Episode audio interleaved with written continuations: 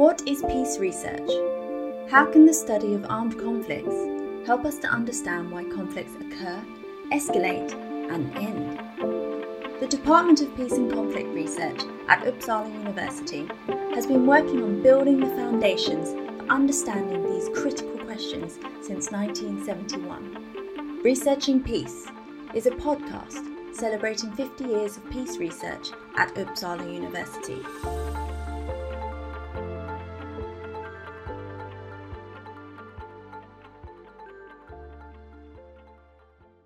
Welcome to Researching Peace. My name is Isak Svensson, and today I'm talking to two good colleagues at the Department of Peace and Conflict Research. Therese Pettersson, Research Coordinator at the Uppsala Conflict Data Program, UCDP, and Magnus Öberg, Director of the UCDP. Welcome, both of you. Good to have you here. Thank you. Thank you. So, I wanted to start by one of the most debated questions in our field the decline of wars over time.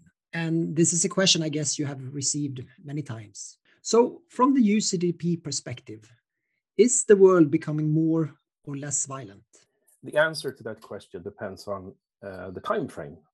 If you look at the second decade of the 21st century, the decade that just passed, it has become much more violent than the first decade of the 21st century. But if we look at the last decade of the 20th century, including the Rwandan genocide, then that was more deadly still. But I think a more interesting time frame is the long-term trend, and that's clearly going down, and substantially so. It doesn't happen without setbacks and some substantial setbacks, as we have experienced recently, with short-term increases in violence.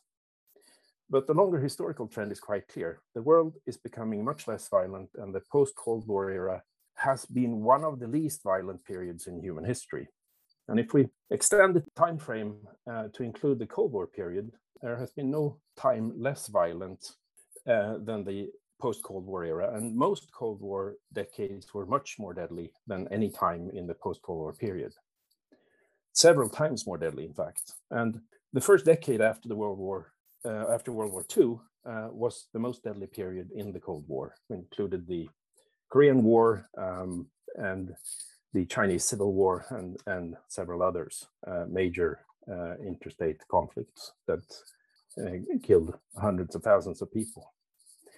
Now, all of these are raw numbers of battle deaths. If instead you calculate the, the global mortality rate of organized violence in a given year, it goes down from a peak in 1950 of more than 36 killed per 100,000 people globally and that's only counting the battle deaths.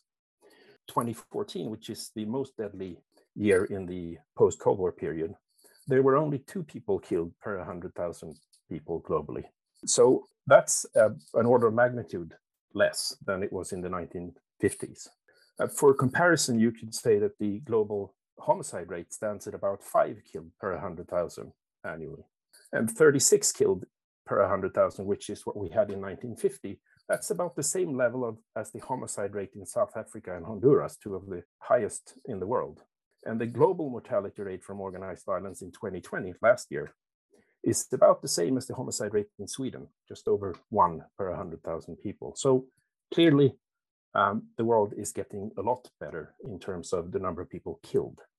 Now, having said that, organized violence is still a very big problem. It's still causing a vast human suffering and Direct deaths from violence is just one part of that problem. Violent conflict is devastating for societal functioning and human flourishing in many different ways. A recent study in The Lancet that was using UCDP data showing that violent conflict events in Africa has negative impact on the infant mortality rate up to 50 kilometers away from the violent event and up to eight years after the event took place. And the effect sizes were on par with malnutrition, with violent events causing an estimated 5.2 additional deaths per, uh, per thousand births. Are there any sort of qualifications to this overall trend that you that you talk about in terms of the decline of, of both direct violence and, and sort of indirect violence over time? Is this occurring in, in all conflicts, in all regions? Uh, in all types of, of violence, or do we see any variations in that regard? There are differences across uh, different regions, certainly. I think the most striking one is the, the change in East and Southeast Asia, which used to be the most violent region in the world, in the at least in the uh, post World War II period. So up until 1979, a majority of all the deaths from organized violence occurred in East and Southeast Asia. But after 1979, it has become one of the more peaceful regions in the world. So the trends are different in different parts of, of the world. And the decline in violence has been most prominent, of course, in the richer countries. And as East Asia has gone for or become more economically developed with all of the Asian tigers and so on, it has also become a much more peaceful region. Uh, uh, other regions um, have not all been so lucky. The Middle East and Africa are still plagued by high levels of violence, as is the um, Central America. Interesting. I wanted to ask you both a sort of a, a personal question of your own history at the department. So you have both been at the department for quite some time now. And could you share with us your own history when you came to the department and how you see the sort of the development of the department and, and especially the, the, the work on, on conflict data over time? So I have been with the program for 13 years and I started as a research assistant and became responsible for uh, some project leading, um, I think a year later. And um, I've really seen this program transform a lot during this time. I think the most obvious change is the granularity of the data today. When I started working at the UCDP, we had just started talking about this disaggregated data with georeferenced events, um, and research was usually based on the country year level data. And today, the disaggregated data is the basis of almost everything at the UCDP.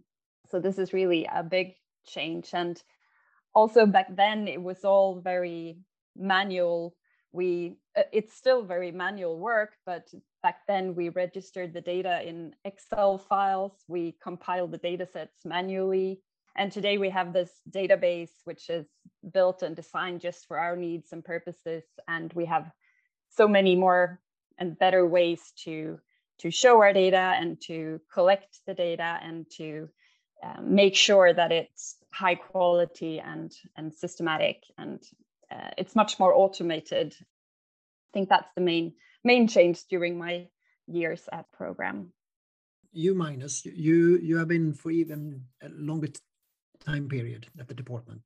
What what is your history at the department? And what yes, your... I'm, I'm part of the inventory now the department have been around since the mid 90s. And um, of course, back then, the UCDP was run by two people essentially um, Peter Wallensteen and Margareta Sollenberg. And, and that was it. Now we are um, a dozen or more people involved in the collection of the data. So it's, it's been a huge uh, expansion and professionalization of the coding procedures with all these how they work in the data collection and um, also technically um, at that time it was scrapbooks uh, that's where the news articles were saved in scrapbooks and the data was put into excel files. Now we have everything electronically in big sql relational databases. So there's a huge technical development and also an expansion of the staff uh, of course so it's a it's a much bigger undertaking today than it was back then I think the first major expansion that was critical for uh, making the UCDP one of the world's leading data sets on conflict is the backdating. The, the, that's the extension of the time series back to 1946. And this was done in collaboration with the PRIO um, around the turn of the century. So it was published in 2003. That was only then the list of intrastate and interstate armed conflicts. The one-sided violent and the non-state conflicts, those were add later additions. So that's also an expansion. So we now cover more types of violence um, uh, than we did back then. So in, in the 1990s, it was a list of armed conflicts, and now it's covering most types of organized violence. Um, and of course, the disaggregation that Therese mentions is is uh, is a revolution for the way we study conflict and the way we can analyze it and everything. There's also been an expansion of other types of data sets. It's not just the organized violence data. There are also actor data sets, conflict termination data sets. Uh, there are external support data sets. There are peace agreement data sets, um, and so on. So there's a there's a, a family of data sets that are building uh, on this, and there's also nowadays uh, a number of external other research projects that are maintaining data that build on UCDP data. So it's become uh, a sort of a cottage industry of data sets um, in, in many different research uh, environments. It's not just us anymore.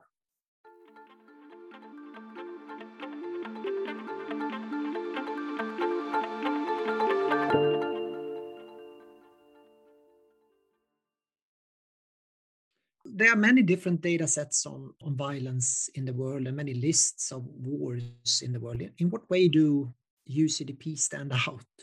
Uh, what are the, the, the key sort of features from your from your perspective of the the UCDP data? Well, there are several different things that I think make UCDP stand out, and perhaps the most important one and underappreciated one, I would say, is the the conceptualization of the different categories and the focus on the incompatibility for the intrastate and interstate conflict, and not just on the actors and the behaviors. So we're not just mapping who is fighting whom, but also over what. And the focus of conflicts are incompatibilities. And so I think that's important for understanding the etiology or the causes and by implication the solutions for conflict is a focus on incompatibility is important. And so that's the way we range the data on inter and intrastate conflict is focused on the incompatibility. Another unique feature is the types of violence that we categorize and the fact that they are mutually exclusive and so you can aggregate or disaggregate them this is including the non-state and the one-sided violence uh, is also a really helpful uh, feature and we're not lumping them together so we are keeping them analytically apart because we think they are violence of different kinds and uh, if you think they are of the same kind or have the same types of causes, you can just lump them together because they are mutually exclusive. So you're not double counting. But if you think they're analytically distinct, you can keep them separate. And, and so I think those are very important features for making it analytically useful. And I think that's the reason why UCDP is the dominant data set in conflict research. And also for, to be useful, you also need to have good temporal coverage, so a long time series, and uh, global reach. So, so those are some of the conceptual uh, features of the data that I think makes it stand out. And the other thing is, uh, which I've already alluded to, is the the fact that we are using professional coders and we have a system for coding and vetting of the data uh, and both a technical and human system for for collecting the data to uh, ensure quality, to ensure that we have consistency in the codings across different conflicts and over time. Um, and that's, I think, unique for UCDP also. I would just like to add um, to that that it's also free of charge and it's very predictable. So we have the regular updates, the global reach. It will it will always be free of charge um, to use for anyone. So I think that's also part of what makes UCDP popular to use, that people know that this is something they can can count on. And I would also like to add that I think that being based in this environment at the Department Peace and Conflict Research, we are also close to the researchers and to the research itself, which I believe has really benefited both the development of the UCDP and the data collection and the research so that we can adjust the data collection or expand the data collection in the ways that researchers want to to be able to carry out really good uh, and extraordinary research on peace and conflict What about the 25 battle-related deaths per year? This is a feature of UCDP that organized violence is counted if it's above 25 people killed. Why this number? Why this threshold? First of all, the 25 threshold was lowering the threshold from just looking at uh, wars, that meaning conflicts which cause at least 1,000 battle related deaths per year. So, this was a way of lowering the threshold to be able to study minor conflicts that would uh, have the possibility to escalate or the risk of escalating and also to de uh, study de-escalation processes. So it was in the beginning it was lowering the threshold from 1000 fatalities. Then why 25 and not five or even one? We always get this question why it not um, enough with just one fatality? And this has to do with two things primarily, I would say. One thing being that, so we're looking at organized violence, right? So we want to have an organization carrying out the violence.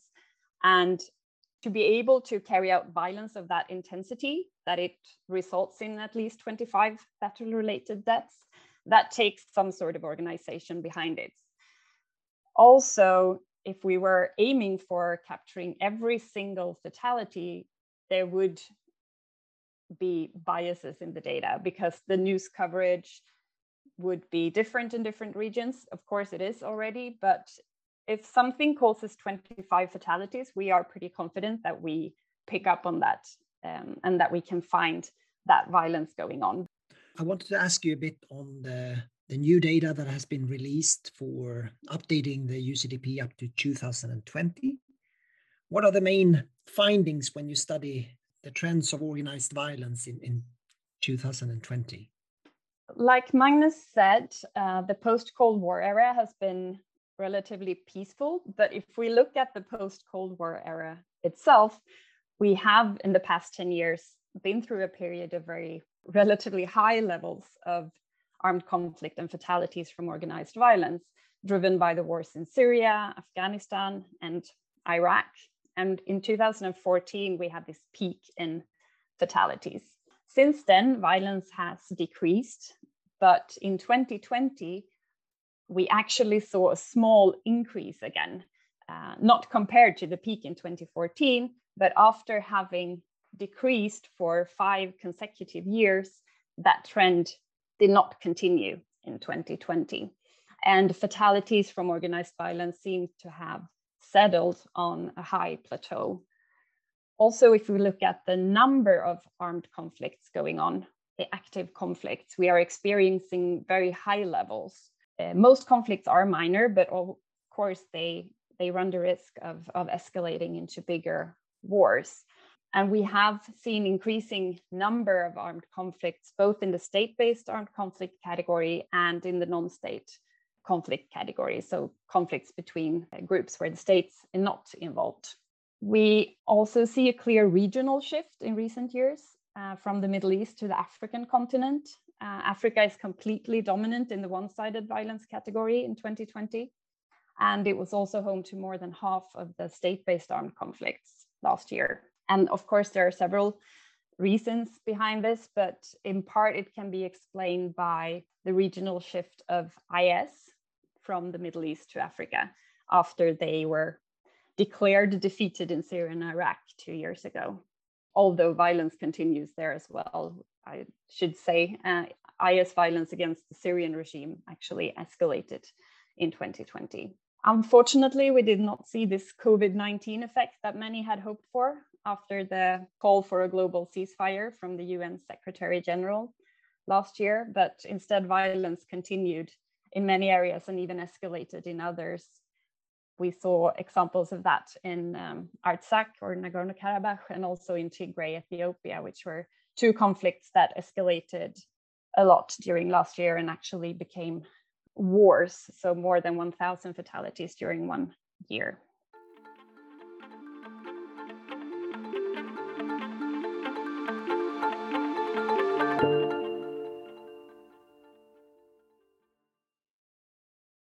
What about the non-state and, and one-sided violence? So th there are three categories of, of organized violence in the UCDP framework, state-based, non-state, and one-sided.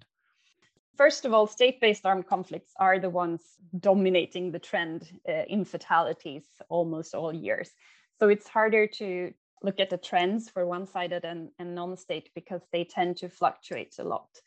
For one-sided violence, it's generally characterized by very low levels of violence and then sudden outbursts of very violent events like uh, genocide or IS killings when they were active in, in Syria and Iraq at a very large extent. We see, however, that much of the one-sided violence is carried out in connection to, to ongoing state-based armed conflicts. And that was also true last year. And for non-state conflicts, also the trend fluctuates a lot. They are quite small usually, and they seldom go on for several years. Fighting only lasts for a few weeks or a few months in most cases. So therefore, the number of active conflicts, it fluctuates a lot. But saying that, in recent years, we have seen higher levels of uh, non-state conflicts than we have in the earlier periods. And the past seven years, the number of non-state conflicts has increased substantially, and Mexico and Syria has dominated this trend. And a worrying development is that we have seen some of these non-state conflicts that resemble state-based armed conflicts in that we have external supporters getting involved, the US supporting SDF in Syria, for example, with airstrikes and troops on the ground, this means the actors have access to a lot of resources, which means that they can sustain fighting for a longer time. So non state conflicts have really increased in the past seven years. And talking about external support, that's also something that we see in the state based category that the number of internationalized conflicts has skyrocketed in recent years. And that means that one or both parties have support from external states with troops on the ground or airstrikes. So this is a very worrying trend because it tends to cause longer conflicts and also more uh, lethal conflicts. I wanted to round up here with sort of a, a, one basic question. Why do we need data on conflicts? Fundamentally, I think you need the data to understand the causes, dynamics, and resolution of organized violence, or to evaluate claims or theories and arguments about peace and conflict, and to adjudicate empirically between competing claims about how the world works or how it's constituted. They're also needed to develop evidence based policy to reduce violence or to develop forecasting and conflict prevention and of course, we needed to estimate the human impact um, of organized violence. So having systematic data with a broad geographic scope and temporal coverage is very useful in for all of these purposes. And it's, of course, it's absolutely critical for doing statistical analysis of conflicts. But if you think that the utility of conflict data is confined to statistical analysis, I think you're missing the big picture having global data is useful even if you're just studying a single case or a couple of cases because it puts your case in a broader context. It provides a baseline or a point of reference. So knowing about the patterns and trends across time and space is extremely useful it, because it helps put uh, any specific case into a context and, and provides points of reference to understand whether this particular case is extreme or different or similar to um, other cases. And it contributes to your understanding um, even of the singular cases in that way. Of course, it's also extremely useful for policymakers and others who have to make priorities about how to use scarce resources and so on to know what the map or, or the situation of the world in the world, uh, what it looks like. And that hasn't always been uh, publicly, at least, available, such a map. Before the UCDP started publishing annual data in the early 1990s, there were no up to date publicly available lists of ongoing armed conflicts. So there was no authoritative count, and people generally even peace researchers, this is why Peter Wallensteen started this, is because uh, there were no uh, authoritative counts. So even peace researchers didn't actually know how many conflicts were ongoing uh, in the world at any given time. The existing data sets at that time uh, were only historical, and so they were updated every five years or so, and they were never quite up to date. So I think we need this data for a lot of different reasons, and primarily if we want to advance the the cause of peace, we need to understand the causes, the dynamics, what can be done, what is going on, and so on. So that I think it's is the value of this undertaking. I usually quote Professor Joshua Goldstein when this question comes up. Uh, he writes in one of his books that the first step to changing is counting. And to be able to count, we need really good data. So that is what we do. Excellent. This podcast is celebrating 50 years of, of peace research at Uppsala University. But looking forward, what is coming up in terms of conflict data if we look into the future? I think that there is much focus now on conflict prediction, and there is much research going on trying to predict where conflicts will take place in the future. It appears to be hard, even knowing all we do know about conflicts and what causes conflict. Um, it seems hard to predict where where the next war will take place. But I think that is something that will continue. And also, there is a lot of work going on with artificial intelligence and machine learning, which is problematic in its own ways and it cannot replace the human data collectors, but it's definitely something that can help us produce better data in the future. I agree with Therese. I would like to add just that I think that conflict data is actually uh, fairly advanced, ahead of the curve of much other data. So the fact that we have eh, geographically disaggregated and temporally disaggregated down to the singular event uh, data on conflicts you know, in time and space, the singular event, uh, that level of uh, granularity is not available for, for, say, economic data or all manner of other types of data, but it's they are catching up these other fields. And as they do uh, more and more, much of this driven by the uh, another important trend, and that's the trying to figure out the consequences of global warming on uh, the potential for conflict and violence.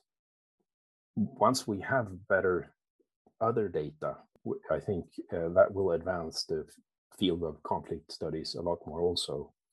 And, and you will see more and more studies using this disaggregated uh, conflict data to study uh, all manner of other things also, like I already mentioned, the, the study of, of infant mortality, uh, but there are also studies of biodiversity using UCDP data. There are studies of fisheries using UCDP data.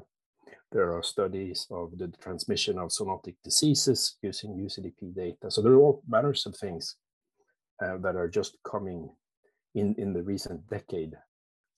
Therese Magnus, thank you so much for uh, sharing your insights on the UCDP and conflict data. Thank you for having us. Thank you. It was a pleasure. And thank you all for listening to Researching Peace.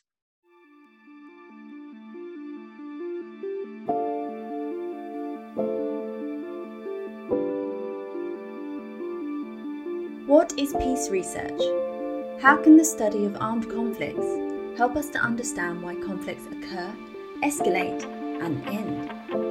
The Department of Peace and Conflict Research at Uppsala University has been working on building the foundations understanding these critical questions since 1971. Researching Peace is a podcast celebrating 50 years of peace research at Uppsala University.